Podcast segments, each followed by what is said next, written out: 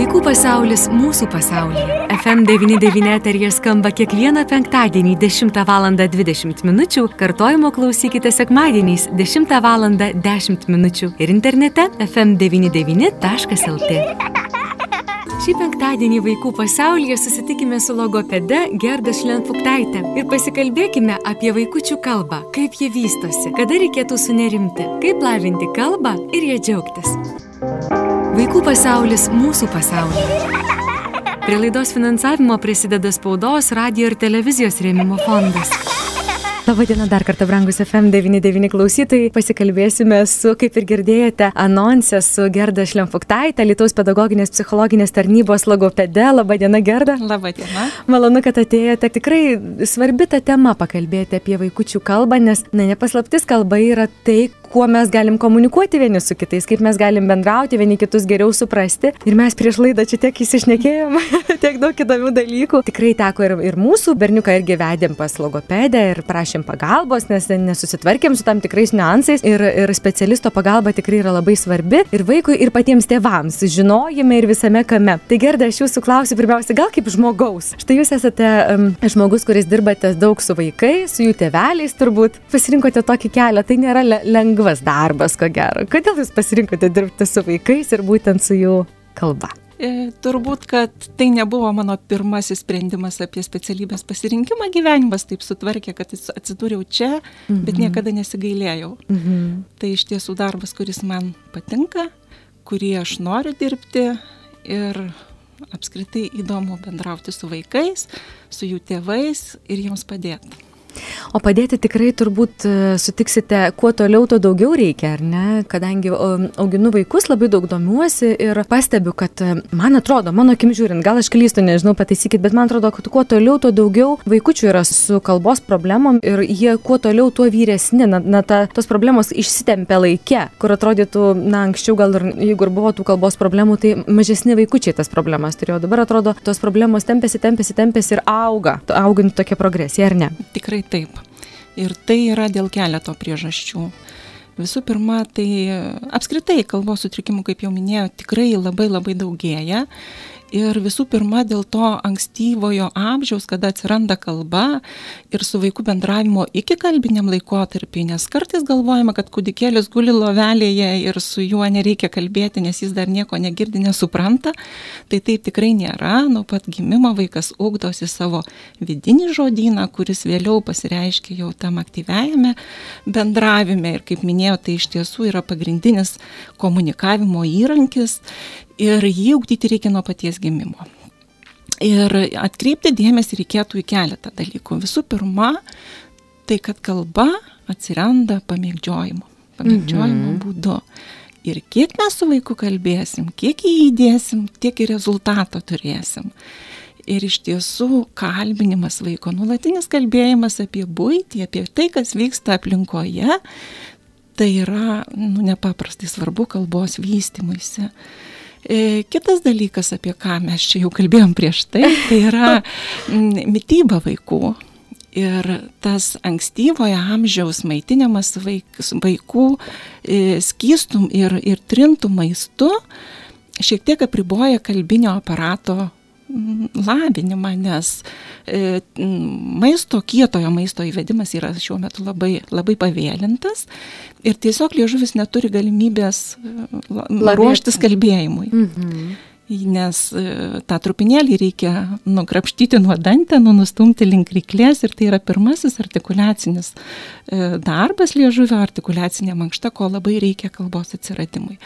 Kita, kaip sakiau, kadangi kalbėjimas yra pagrindinis dalykas, kalbėjimas su vaiku, o ne apie vaiką su kitais tėveliais. Taip. Tai iš tiesų tai yra labai svarbu, kad vaikas girdėtų, ką mes kalbam, kad to neužgoštų televizorius, kad neužgoštų muzika garsi skambanti nuolat. Ir, ir iš tiesų į tokius dalykus reikia atkreipti dėmesį. Na, o dar viena priežastis, kodėl, kaip sakyt, išsitempė tas laikas ir kodėl labai, labai ilgai vaikai dar turi tuos sutrikimus, tai iš tiesų ilgą laiką, kada specialistų mieste buvo tikrai nepakankamai, kiek reikia, kiek reikia visiems vaikams suteikti pagalbą, Tai iš tiesų darželiuose logopedijos orientuodavosi į priešmokyklinio amžiaus vaikus, mhm. kad jau juos išleisti į mokyklą pasirengusius. Ir tas ankstyvasis laikotarpis kaip ir likdavo toks nuo šaly, nors dažnai tiesiog užsiauginam problemą. Kad mhm. būtume suteikę pagalbą trijų metų vaikui, jos nebeliktų. Mhm. Tai tokie dalykai yra mm, dabar jau netokie aktualūs, nes iš tiesų darželiuose logopedų atsirado daugiau ir mes labai tikimės, kad ta problema truputėlį mažės. Išvada peršasi, kad tas bendravimas, su vaiku bendrauti, kaip jūs ir jūs minėt, labai svarbu, kad vystytųsi jo kalba. Aš pirmą kartą girdžiu, kad formuoja kūdikis savo žodyną, dar nekalbėdamas, bet jis jau formuoja jį. Tai tuomet man klausimas toks kyla, tikrai yra įvairių tokių dviprasmiškų pasakymų. Vieni sako, kad su vaiku reikia reikėtų su kūdikiu bendrauti, na, guguoti ir, ir tokius e, arčiau gal kūdikiam skirtą tokį žodyną parinkti, kuris man atrodo natūraliai tiesiog e, pavyksta. E, o kiti sako, kad ne, reikia su kūdikiu, net jeigu jis nekalba kalbėti rimtais, tvirtais, ilgai žodžiais, kad jisai žinotų taisyklingą iš karto žodį. Tai kur yra tiesa? Iš tiesų, turim orientuotis į vaiko galimybės. Mhm. Ir kol jį ruošim tik tai gugavimui, nes pradžia kalbėjimo tai ir yra gugavimas, tai ir mes guguojam. Kai jau atsiranda vaiko galimybė kartoti skiemenuką ir mes kalbam skiemenukais, kai atsiranda galimybė sakyti žodžius, kalbam žodž žodžiais. Toliau, jeigu jau vyresnis vaikas kalbam sakinukais ir nuolat kalbam apie tai, ką, kas nuolat yra mūsų aplinkoje, O vėliau, žinoma, kada jau vaikas didesnis ir jeigu ypatingai jau yra nustatomi sutrikimai, tai reikėtų vengti tų mažuliavimusi, taip jau sakau, tokių -hmm. liaudiškų žodžių. Taip, taip. Iš tiesų tų mažybinių žodelių reikėtų vengti, nes e, sudaro klaidingą vaizdą vaikui, kuris turi kalbos sutrikimus. Tai čia mhm. vyresnėme jau amžiuje, apie 3 metus, o ankstyvajame amžiuje taip, orientuojamės į vaiko galimybės. Bet čia turbūt irgi jūs labai gerai pastebėjote, to bendravimo ar tos kalbos neturėtų užgošti muzika, neturėtų užgošti televizorius, tai čia turbūt jau tėvam yra rykštė, ar kaip čia pavadinti, atsisukti į vaiką, nes mes labai leidžiamės į būtį, į savo kažkokias veiklas, į savo reikalus. E, tėvai patys, sakom, vaikai iš telefonų neišlenda, bet juk tėvai irgi iš telefonų nelabai išlenda, tai netaisyklingas tas mano pasakymas, atsiprašau kalbininkų, bet taip yra, kad e, ir, ir vaikams taip pat turbūt ir tos pačios na, technologijos šiuolaikinės irgi vargu ar be padeda, ar ne, raidai kalbos. Norėjau, norėjau sakyti iš tiesų apie tai, kad dažnai tevelių, kada klausi, ar skaitote vaikui pasakas, kas yra mhm. nepaprastai svarbu ryšliosios kalbos ūkdymuisi. Jie sako, tai mes labai daug nupirkę įvairiausių e, diskų, parsisiunčiam iš, iš įvairiausių portalų ir jie klauso nuolat pasakėlės. Niekada jokios išmaniosios technologijos neišmokys vaiko kalbėti. Reikalingas emocinis ryšys, ypatingai mamos ryšys, kuris susiformuoja dar nuo ankstyvojo laikotarpio. Ir labai svarbu emocinis ryšys su vaiku kas iš tiesų užtikrina, tik tuo met vaikas susidomi ir kartoja tai, ką girdi, O tos informacinės technologijos taip, vaikai gali kartoti, bet jos neugdo, jos nemoko, labai dažnai priešingai užkerta kelią kalbos ugdymuisi. Nes tikrai labai dažnai, kaip jūs sakote, tėvai sulindė į tą, tą patį žodį kartuoju, sulindė į tą telefoną ir, ir na, tai atima tiesioginį laiką bendravimo su vaiku, O kitas dalykas, kada vaikui duodama nuolat naudotis telefonu ankstyvajame amžiuje, tai yra įtaka jos smegenų vystimusi ir neigiama įtaka.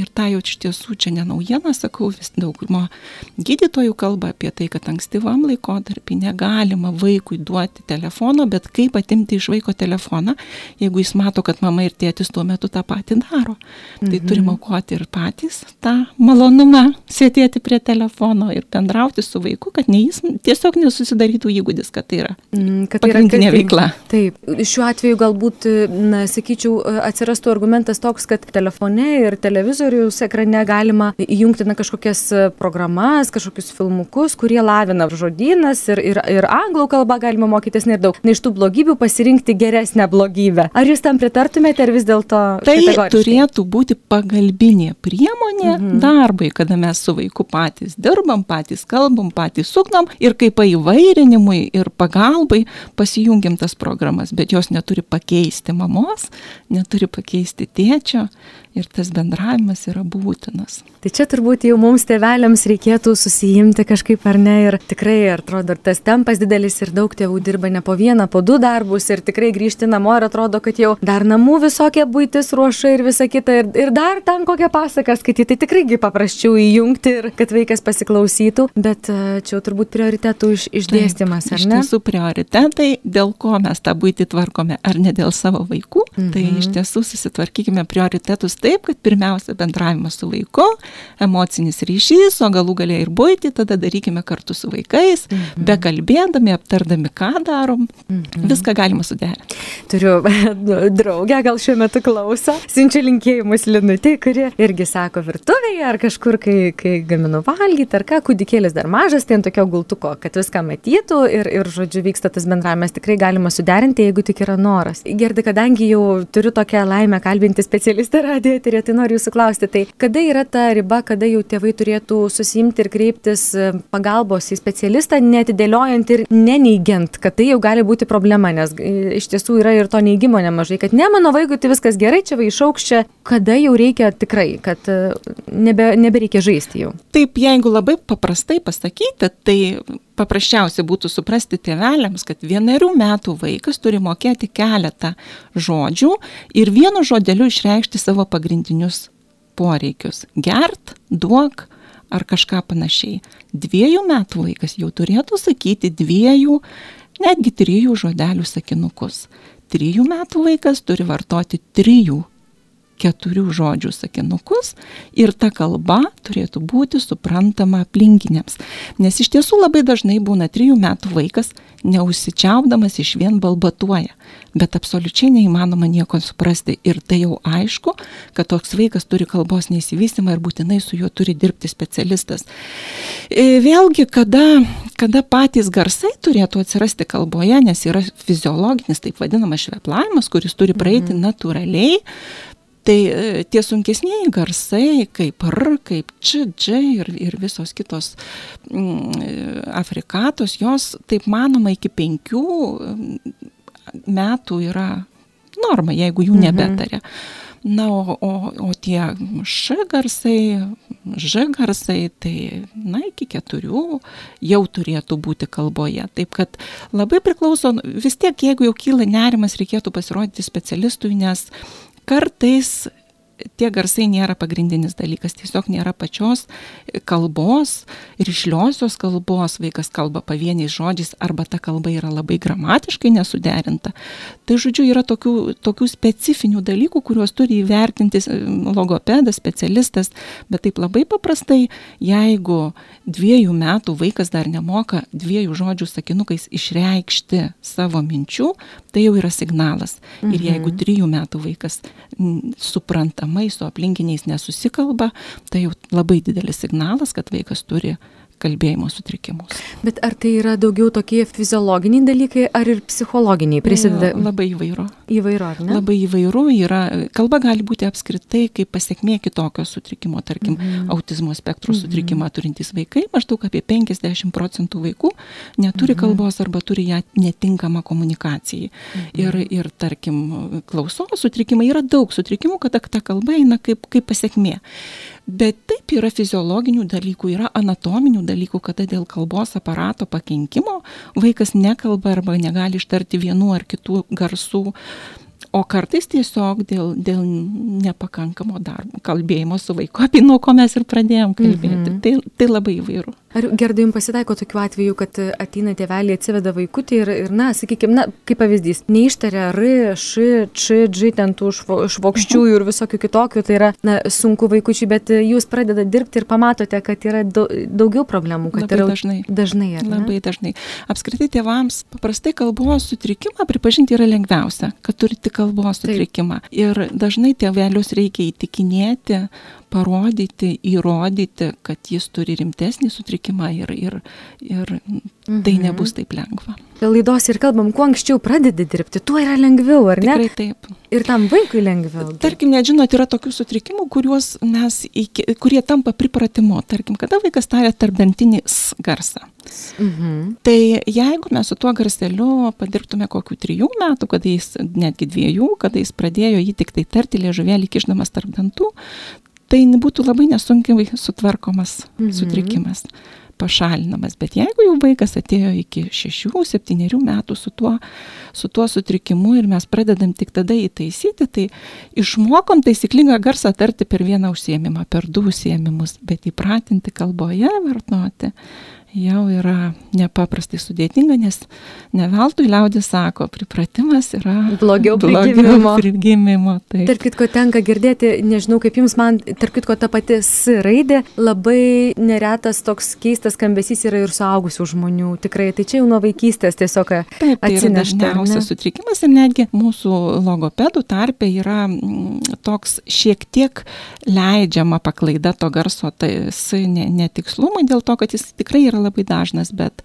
bet taip, kada yra garso ne, ne toks netaisyklingas tarimas, tai yra saval, nesavalaikis darbas, nepadarytas -hmm. savo mhm. laiku, kas turėjo būti padaryta. Tai gerda, aš tuomet mūsų pokalbį bėgant į pabaigą dar klausiu jūsų patys svarbiausi tokie momentai, kuriuos turėtų žinoti tėvai auginantys vaikus. Ką jūs kaip specialistė galėtumėte taip užakcentuoti ir sudėti tokius pagrindinius punktus? Ką reikėtų žinoti, kad mūsų vaikai auktų ir neturėtų paskui vėliau gal ir psichologinių problemų dėl kalbos? Vis tiek, kalbėti taisyklingai, raiškiai, ryšliai yra svarbu kiekvienam žmogui, ko gero. Tai ką jūs akcentuojate? Akcentus kokius sudėliotumėte? Tai visų pirma, kaip sakiau, tikrai um, kalbėjimas su vaiku, mhm. daug su vaiku mhm. ir artikuliacinė mankšta, mhm. ta namų, naminė artikuliacinė mankšta, kada mes vis, visai kaip liežuvėlį mankštinam, darom įvairiausius pratimėlius. E, vėlgi, ko mes čia net ir nepaminėjom, kad pirštų pagalvėlėse, pirštų galiukuose yra centrai, kurie, kurie aktyvuoja kalbos sugdymasi, kadangi smegenyse tie, tie centrai yra šalia. Tai vad įvairių žaidimai su smulkiais daiktais, žinoma, prižiūrint, kad vaikučiai neįsikištų į burną, į nosytę ar kažkur. Ir va tas aktyvinimas kalbos per smulkėją motoriką yra labai svarbu. Vėlgi, jeigu, jeigu pamatome, kad vaikas kažką tai jau labai netaisyklingai tarė, tai būtinai pasikonsultuoti su logopedu, nes geriau pasikonsultuoti negu kada, kaž, be reikalo, negu kažkada gailėtis, kad to nepadariau. Taip. Na ir iš tiesų, jeigu jau logopedas pradėjo dirbti su jūsų vaiku, tai negalvokite, ne kad jau viskas, aš savo darbą padariau. Mhm. tai iš tiesų, va, tuomet ir pradėkite tai, ką daro logopedas, būtinai užtvirtinkite namuose, nes tik tai kartu dirbant galima pasiekti greitą ir užtikrintą rezultatą. Mhm. Tai yra labai svarbu ir, ir kaip bebūtų, kiek tas e, specialistas bedirbtų, pagrindiniai žmonės, kurie ugdo vaiką, tai yra tėveliai ir, ir pata, su patarimu turėtų labai daug įdėti savo, savo darbo, kad vaikas kalbėtų švariai, gražiai. Aš šiandien nuoširdžiai dėkoju Jums, Gerda, už pokalbį. Buvo labai įdomu ir, ir labai naudinga. Ir aš tikiuosi, kad tėveliai, auginantis vaikus, išgirdo daug naudingos informacijos. Tikrai daug daugiau naudingos, reikalingos ir informacijos, ir patarimų, ir pagalbos galima sulaukti Lietuvos pedagoginėje psichologinėje tarnyboje Taip, ir kreiptis į Jūs. Tai aš šiandien dėkoju Jums už pokalbį, linkiu sėkmės Jūsų labai prasmingame darbe. Ačiū, kad atėjote šiandien. Ačiū. Visą geriausią. O Jums, liklausytai, primenu, mes kalbėjome su Lietuvos pedagoginės psichologijos psichologinės tarnybos logopede Gerda Šlemfaktaitė. Vaikų pasaulis mūsų pasaulyje. Prie laidos finansavimo prisideda spaudos, radio ir televizijos rėmimo fondas.